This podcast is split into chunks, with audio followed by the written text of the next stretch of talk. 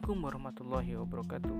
Selamat malam para pendengar di First Podcast Rasionalitas Rasa. Karena rasa butuh rasio dan rasio butuh rasa. Di podcast kali ini saya akan menjawab pertanyaan saudara saya mengenai bagaimana itu kuliah dan lain sebagainya. Intinya adalah tips and trick kuliah. Yang memang saya akan juga akan menceritakan tentang pengalaman selama saya kuliah agar bisa dilihat ataupun didengarkan menjadi pertimbangan bagi teman-teman yang ingin kuliah. Kuliah bukan hanya tentang kita menyelesaikan studi dan mendapatkan gelar sarjana. Akan tetapi kuliah di mana kita dididik dan dibina menjadi mahasiswa yang paripurna mahasiswa paripurna bukanlah tujuan yang memang paling atas. Tetapi mahasiswa paripurna adalah proses di mana yang asalnya tidak tahu menjadi tahu yang tidak paham menjadi paham. Dan bisa dipraktekkan di lapangan. Bukan hanya tentang teori yang kita pelajari akan tetapi di lapangan yang sesuai dengan teori. Atau antara dasolen dan dasain maka dari itu, untuk menanggulangi kesalahan-kesalahan ketika memilih kuliah, maka saya akan memberikan tips-tipsnya untuk teman-teman. Tips yang pertama adalah kenali potensi diri kalian. Potensi diri adalah kemampuan yang ada di dalam diri kita semua. Akan tetapi potensi kita bisa dilihat dari mana? Bisa diasah melalui kebiasaan-kebiasaan. Misalnya, saya suka nulis, saya suka baca buku, saya suka bahasa Inggris, saya suka apa gitu. Dan akhirnya dipraktekkan dan akhirnya mampu dilaksanakan dengan baik. Itu bisa salah satu dari kemampuan diri kalian. Kalau misalnya kemampuan diri kalian berbahasa Inggris yang baik, maka jangan mau untuk ke kuliah bahasa Jerman karena secara potensi, secara nalar, secara pikiran, secara hati terfokuskan kepada bahasa Inggris. Kalau misalnya teman-teman suka baca buku, teman-teman suka kritis dan lain sebagainya bisa masuk ke ilmu-ilmu sosial lain ya.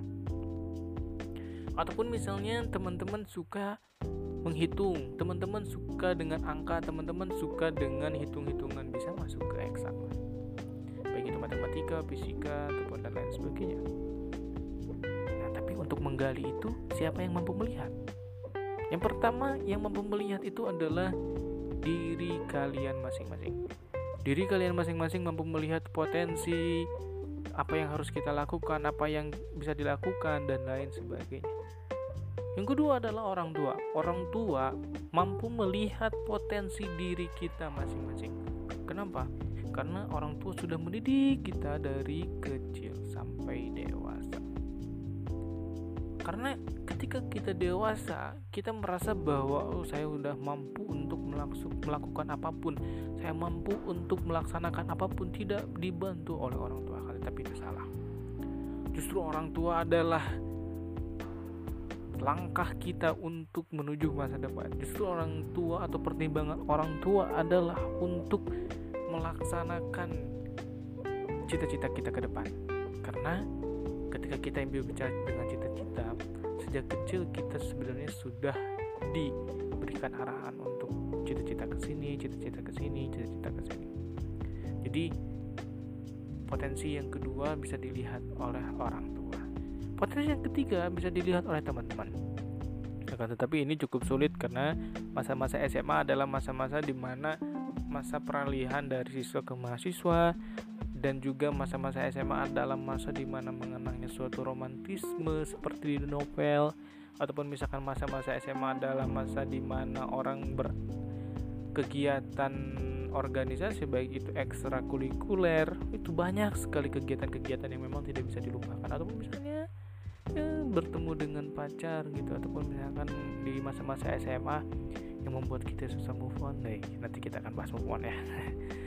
Akan tetapi masa-masa SMA adalah masa-masa yang memang terindah untuk untuk dikenang tapi tidak untuk dilakukan kembali.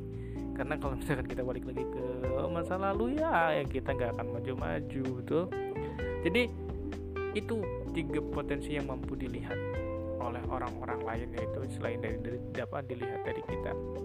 Yang kedua tipsnya adalah melakukan riset. Melakukan riset ini sangat penting. Melakukan penelitian bukan berarti penelitian akademis ya akan tetapi penelitian di mana apakah salah satu sarjana ataupun salah satu lulusan di universitas ataupun perguruan tinggi ini lulusannya banyak yang ke pemerintah ataupun misalkan banyak yang sudah bekerja. So kenapa melakukan riset kayak gitu? Karena sekarang bukan hanya tentang intelektual yang dibutuhkan akan tetapi relasi. Oh, kan sekarang doa iya atau duit misalnya doa usaha ikhtiar kan ya. Doa usaha ikhtiar tawakal ujung-ujungnya adalah relasi. Kalau kita tidak mempunyai relasi ya kita nggak akan susah kita susah untuk mendapatkan kerja. Kenapa?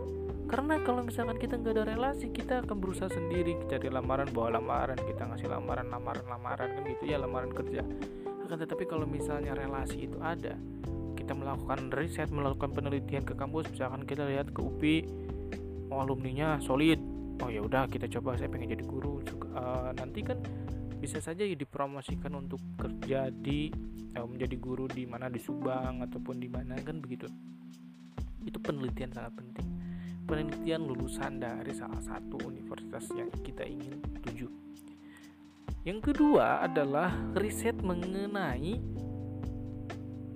kampus bagaimana misalnya fasilitasnya bagaimana kegiatan belajar mengajarnya ataupun misalnya dosen-dosennya juga kita harus lihat. Kita bisa melihat apakah profesornya ada berapa guru besarnya ya guru besarnya ada berapa terus yang jadi dokternya siapa dan lain sebagainya. Itu harus kita lihat kita melakukan riset. Kenapa? Ini buat masa depan kalian. Kalau misalnya kalian tidak melakukan penelitian sejak awal maka susah untuk menentukan masa depan. Ujung-ujungnya adalah kalian akan keluar atau seleksi alam bahasanya lah ya keluar dari kampus yang udah kuliah setahun gitu kan akhirnya udah keluar aja lah kita cari kampus yang lain aja gitu. Ya kalau misalkan gak selesai selesai cari kampus terus cari kampus terus ya umur habis juga kan maksudnya kan gitu. Jadi kita harus harus menggali atau misalkan meneliti tentang kampus itu. Tips yang ketiga adalah ini yang sangat paling penting sebenarnya tidak ikut teman-teman. Tidak ikut teman kalau kuliah. Misal saya punya pacar misalnya terus juga pacar saya juga pengen kuliah gitu. Terus uh, ah kamu mau ke mana? Ayo saya pengen ke masuk ilmu hukum. Kamu mau ke mana? Kamu mau ke bahasa Inggris? Ya aku mau ke bahasa Inggris. Aduh nanti kita nggak bersama dong. Wah bahasa alay-alay lah ya kayak gitu. Kita kita nggak boleh ikut teman. Kita harus percaya diri akan potensi kita dan melakukan penelitian itu ikut teman boleh asalkan memang satu pemikiran dan satu riset. Nggak jadi masalah. Tapi kalau misalnya kan beda riset itu akan menjadi berbahaya. Karena ujung-ujungnya kalau ikut teman kita akan menyesal. Menyesal karena kita tidak mengikuti tips-tips yang diberikan. Nah itu tiga tips yang bisa diberikan untuk hari ini e, mengenai tips ingin masuk ke kuliah. Tapi saya ingin berbagi sedikit pengalaman mengenai ketika saya masuk kuliah. Jadi saya lulus 2014 salah satu SMA di Cianjur. Tahun 2014 saya lulus dan saya mencoba untuk masuk kuliah. Saya ditanya sama guru, Ramdan kamu mau ke mana? Saya jawab, saya mau ke kuliah di Bandung. Kamu mau ngambil apa? Saya mau masuk ilmu hukum. Kenapa mau masuk ilmu hukum? Saya pengen seperti bibi saya. Ah, gitu. Saya memang dulu pengen masuk ilmu hukum karena lihat bibi saya mbak kerja di pemerintah daerah gitu di Pemda gitu ya. Kayaknya enak gitu di Pemda gitu kan PNS dan sebagainya. Itu saya mikirnya gitu aja dari pas mau masuk gitu. Terus pas masuk pas daftar gitu ya pas daftar masuk ke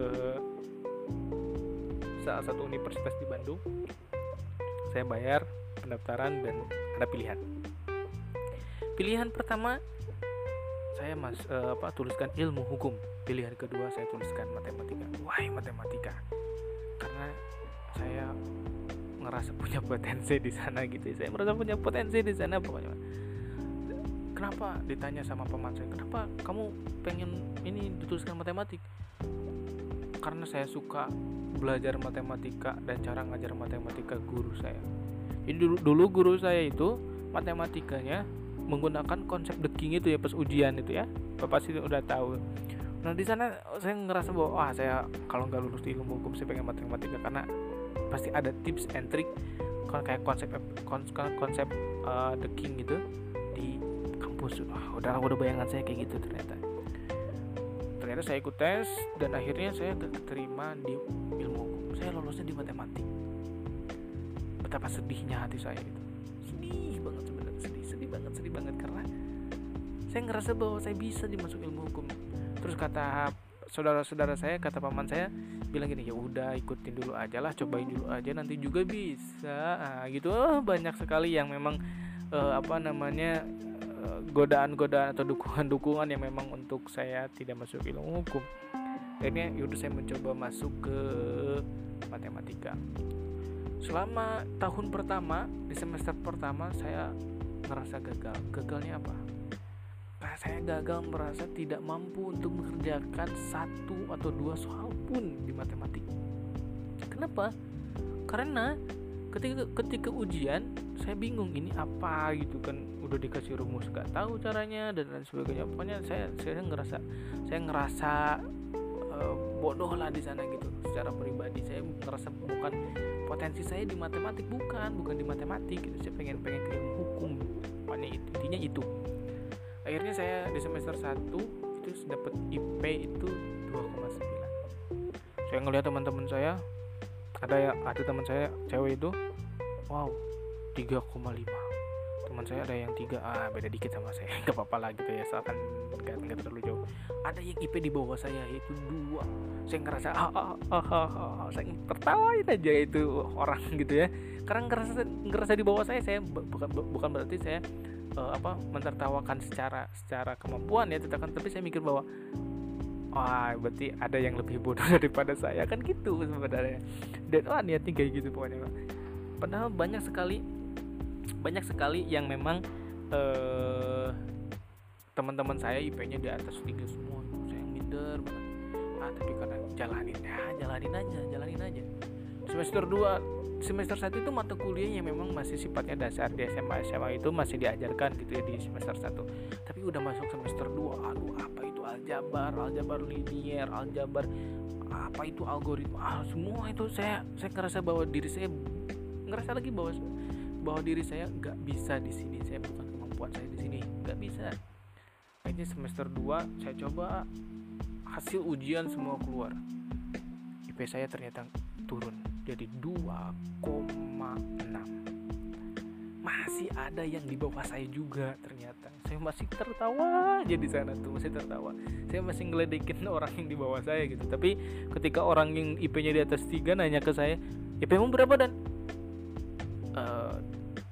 2,6 Wah, saya, ya saya yakin dia tertawain. Saya kan gitu.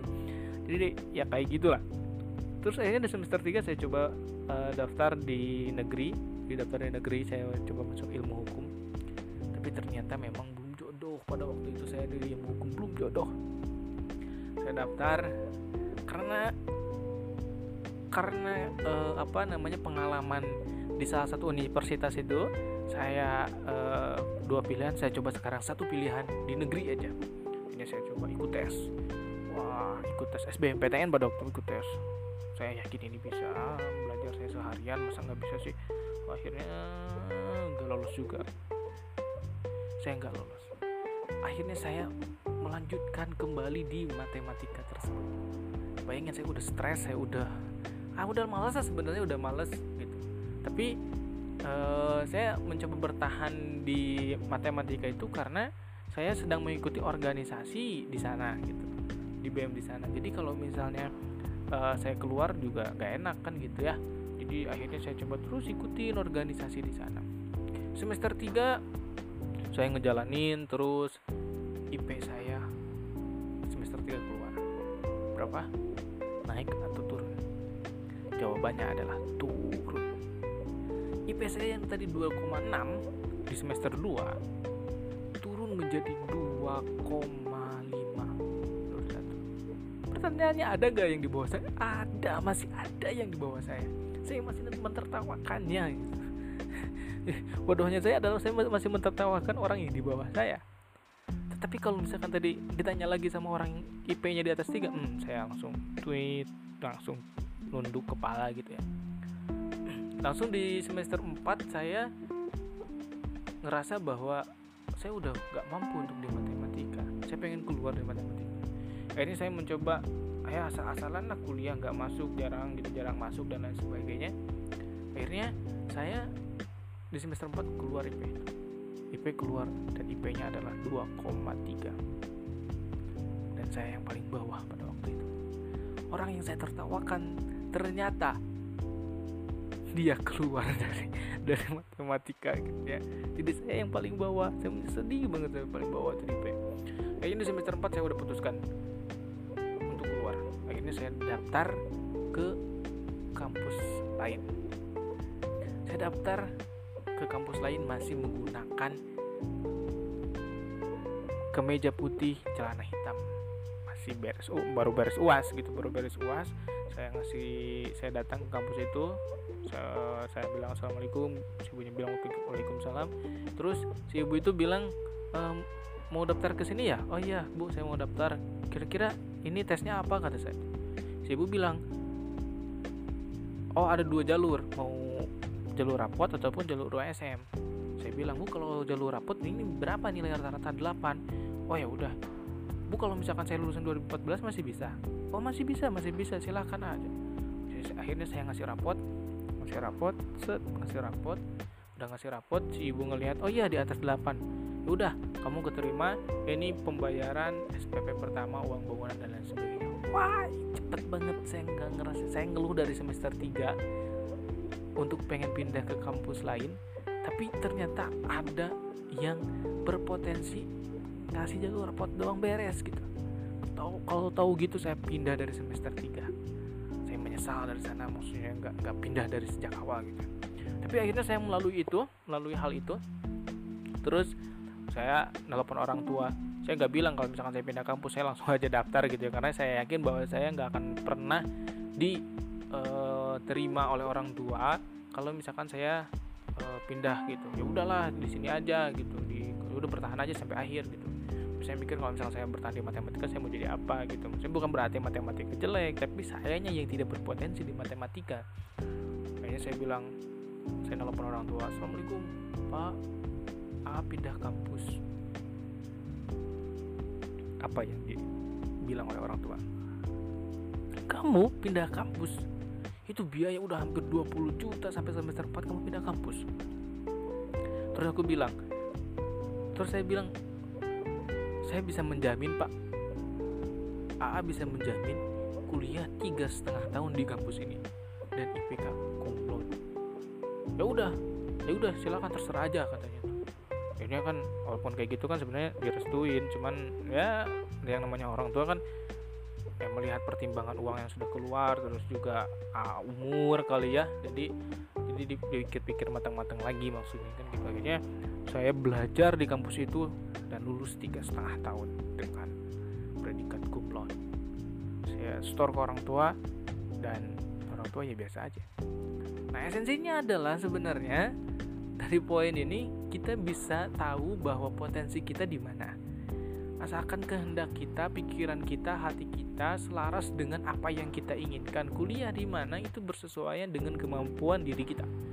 Jadi kalau misalkan tidak uh, selaras, tidak sinergis dengan kemampuan diri kita, maka kita akan tertinggal oleh orang lain.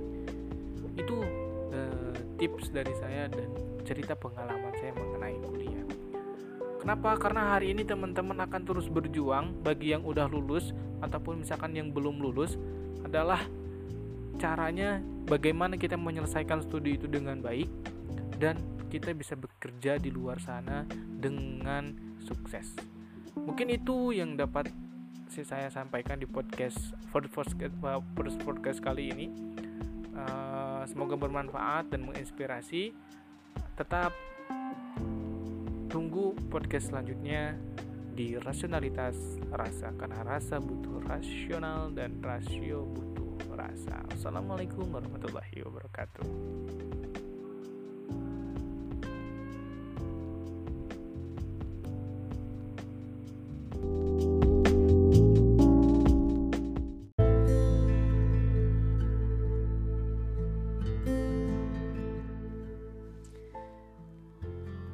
Di podcast kali ini, saya ingin membahas Jumat Tokoh. Siapa tokohnya? Tentu kalau yang sering baca buku ataupun misalnya um, melalui PDF dan lain sebagainya pasti kenal. Tokohnya adalah Muhammad Al-Fatih. Siapa sih yang nggak kenal Muhammad Al-Fatih? Nah, kalau nggak kenal keterlaluan banget ya karena beliau adalah salah satu tokoh Islam yang memang sangat luar biasa kenapa luar biasa?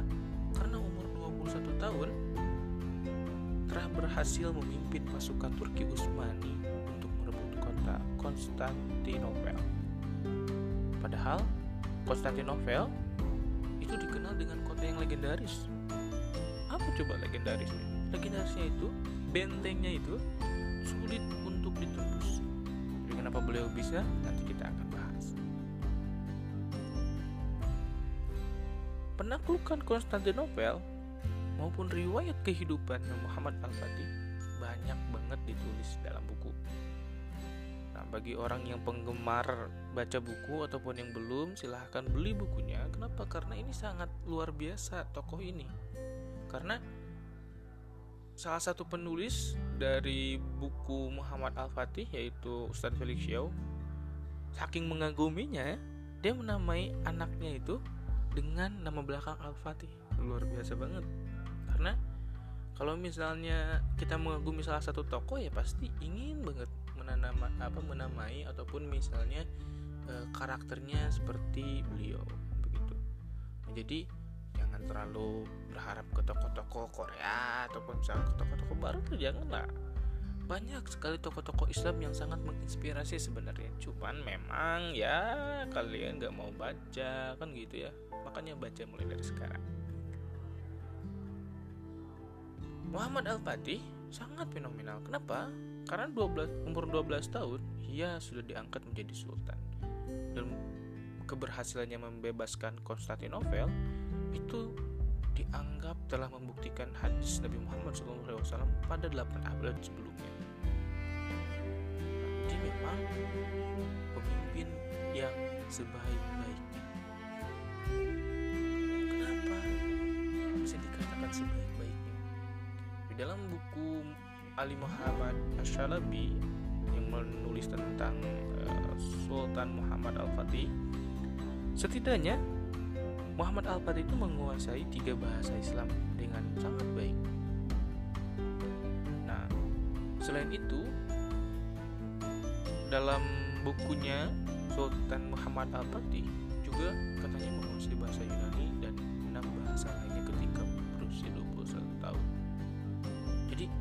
21 tahun ini beliau banyak banget menguasai bahasa. Nah kita bahasa Indonesia aja masih ya campur aduk gitu ya ataupun bahasa Inggris campur aduk dengan bahasa Indonesia. Jadi ini salah satu inspirasi beliau adalah tokoh dan untuk menginspirasi kita semua kita harus minimal ya lebih dari satu lah bahasa jangan bahasa Indonesia aja.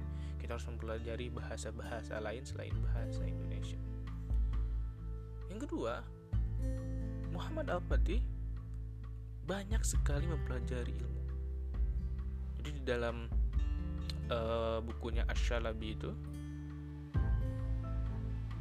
Muhammad Al-Fatih telah belajar Al-Quran, hadis, fikih, dan ilmu modern lainnya seperti perhitung, ilmu falak, terus juga sejarah, serta pendidikan militer secara teori maupun praktis.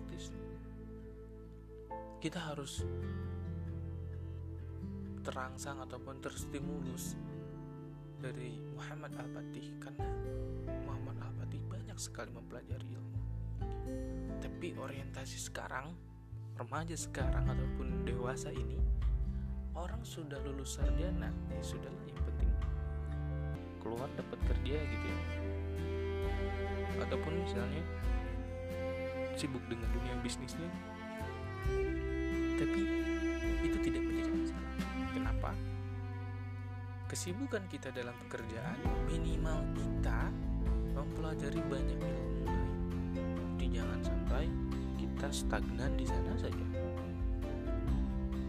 Nah, lalu dalam bukunya uh, apa yang dituliskan oleh Ustadz Felix Xiao juga mengisahkan Sultan Murad ayah Muhammad Al-Fatih pada waktu itu meminta para ulama dari berbagai disiplin ilmu untuk mengajari anaknya yaitu Muhammad Al-Fatih mata pelajarannya mulai dari matematika, fisika, astronomi, seni perang praktis, militer dan ilmu-ilmu lain nah itu.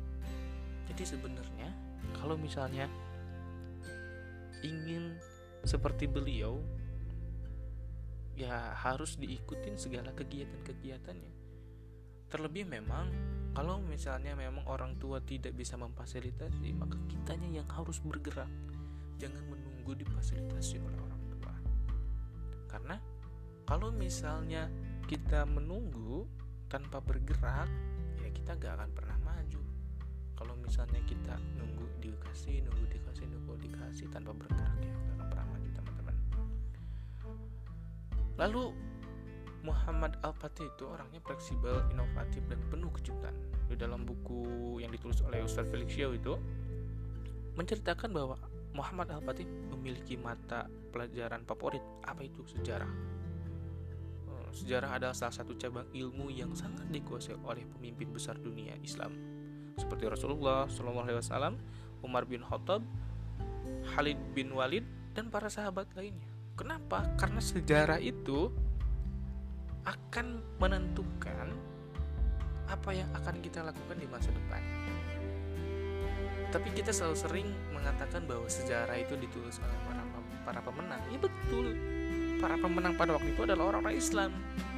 Dan para pemenang hari ini adalah bukan orang-orang Islam, maka ditulislah seenaknya. Tapi kalau misalnya pada waktu itu membaca sejarah mengutamakan sejarah dan tidak melupakan sejarah. Kita hanya slogan saja jangan lupakan sejarah. Tapi kenyataan kita melupakan sejarah. Kita nggak tahu tuh mas sejarah di masa lalu Indonesia kayak gimana. Tokoh-tokoh Islam ya seperti apa. Kita terlalu disibukkan dengan keadaan-keadaan perkuliahan ataupun misalkan pendidikan yang sistemnya seperti itu. Tapi harusnya teman-teman baca dan baca karena ketika kita membaca sejarah, maka kita akan tumbuh menjadi seorang yang fleksibel, inovatif, dan penuh dengan kejutan. Kenapa? Karena orang nggak tahu tuh sejarah di masa lalu dan lalu kita ceritakan. Bahkan bisa menjadi fondasi bagi kita ketika melakukan sesuatu.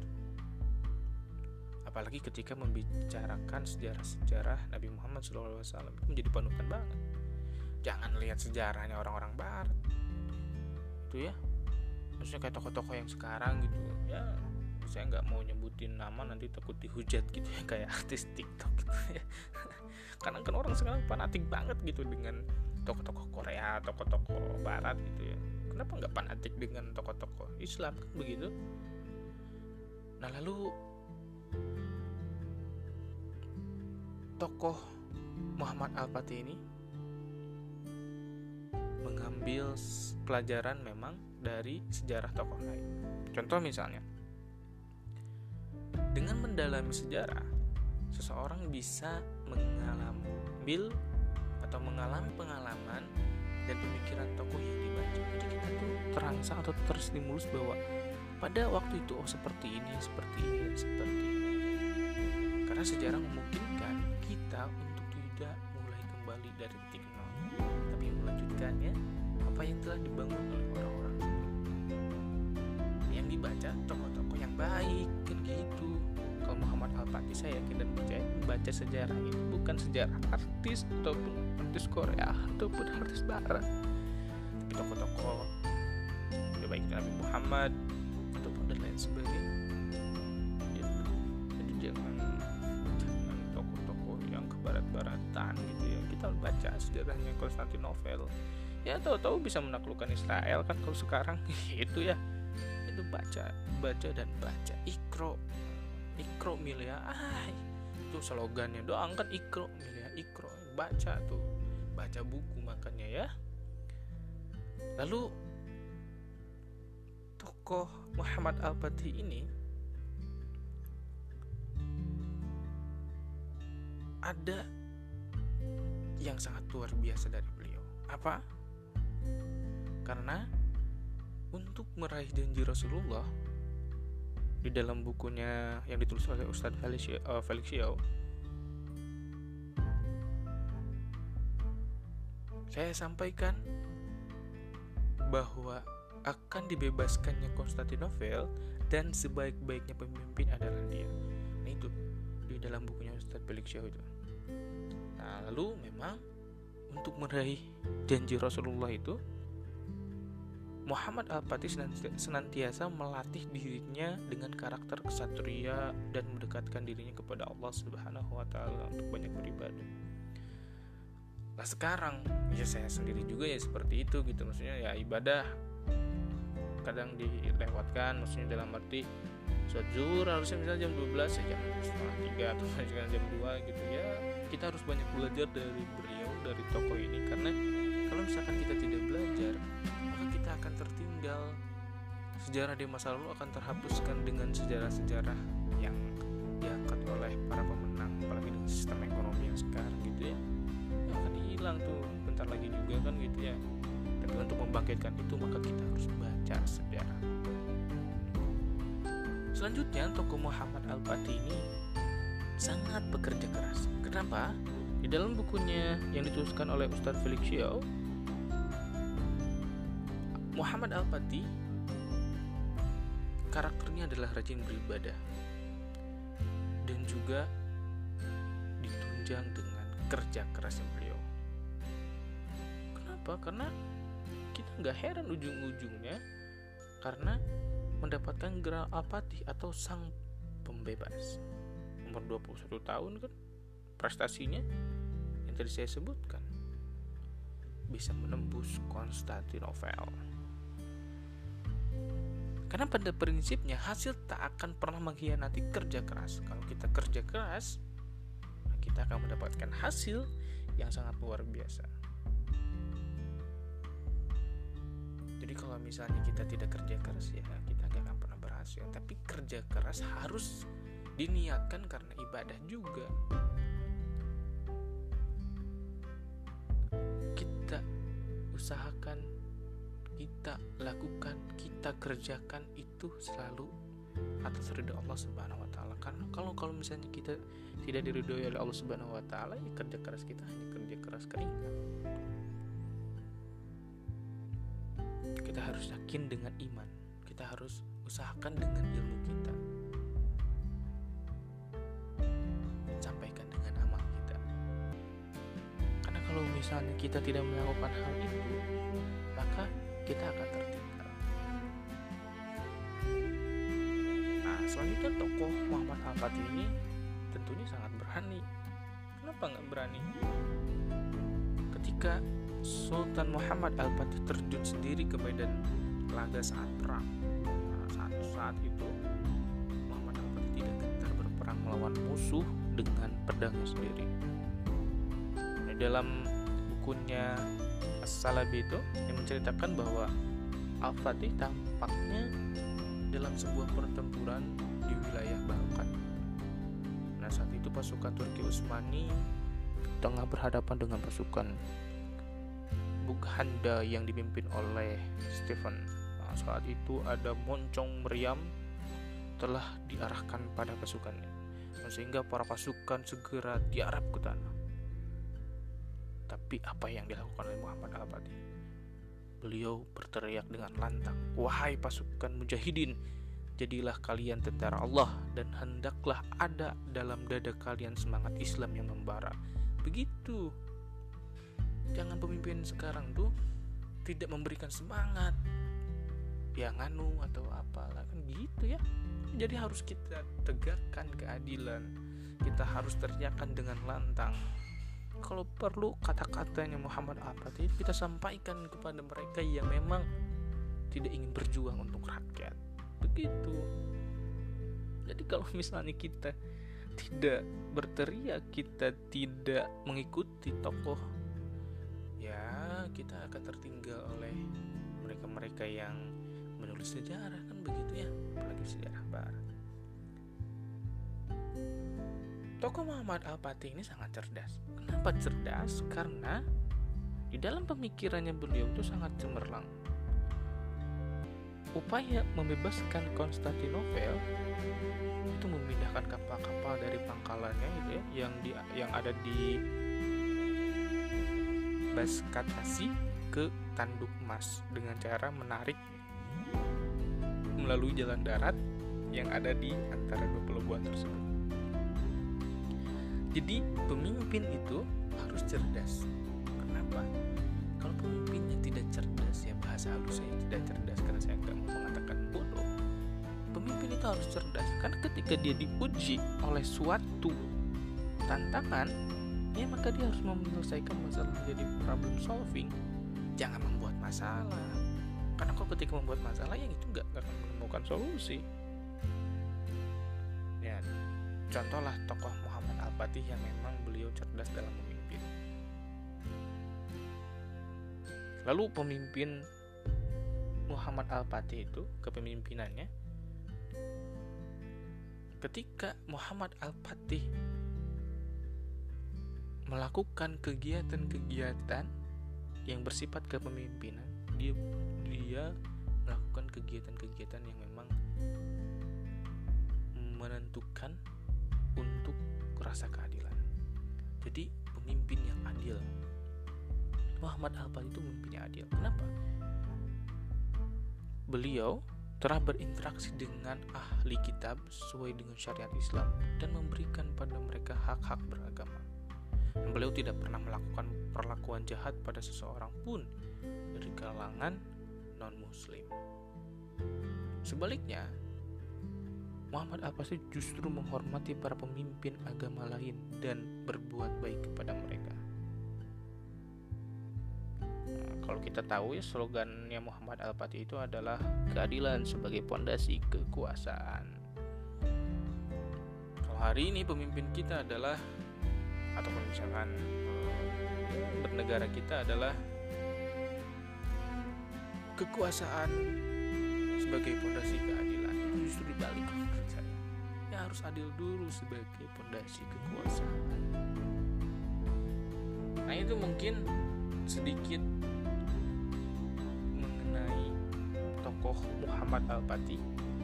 Sebenarnya masih banyak yang saya ingin bahas tapi akan bisa menghabiskan sejam dua jam begitu ya. Nah itulah beberapa poin-poin penting di Jumat Toko ini.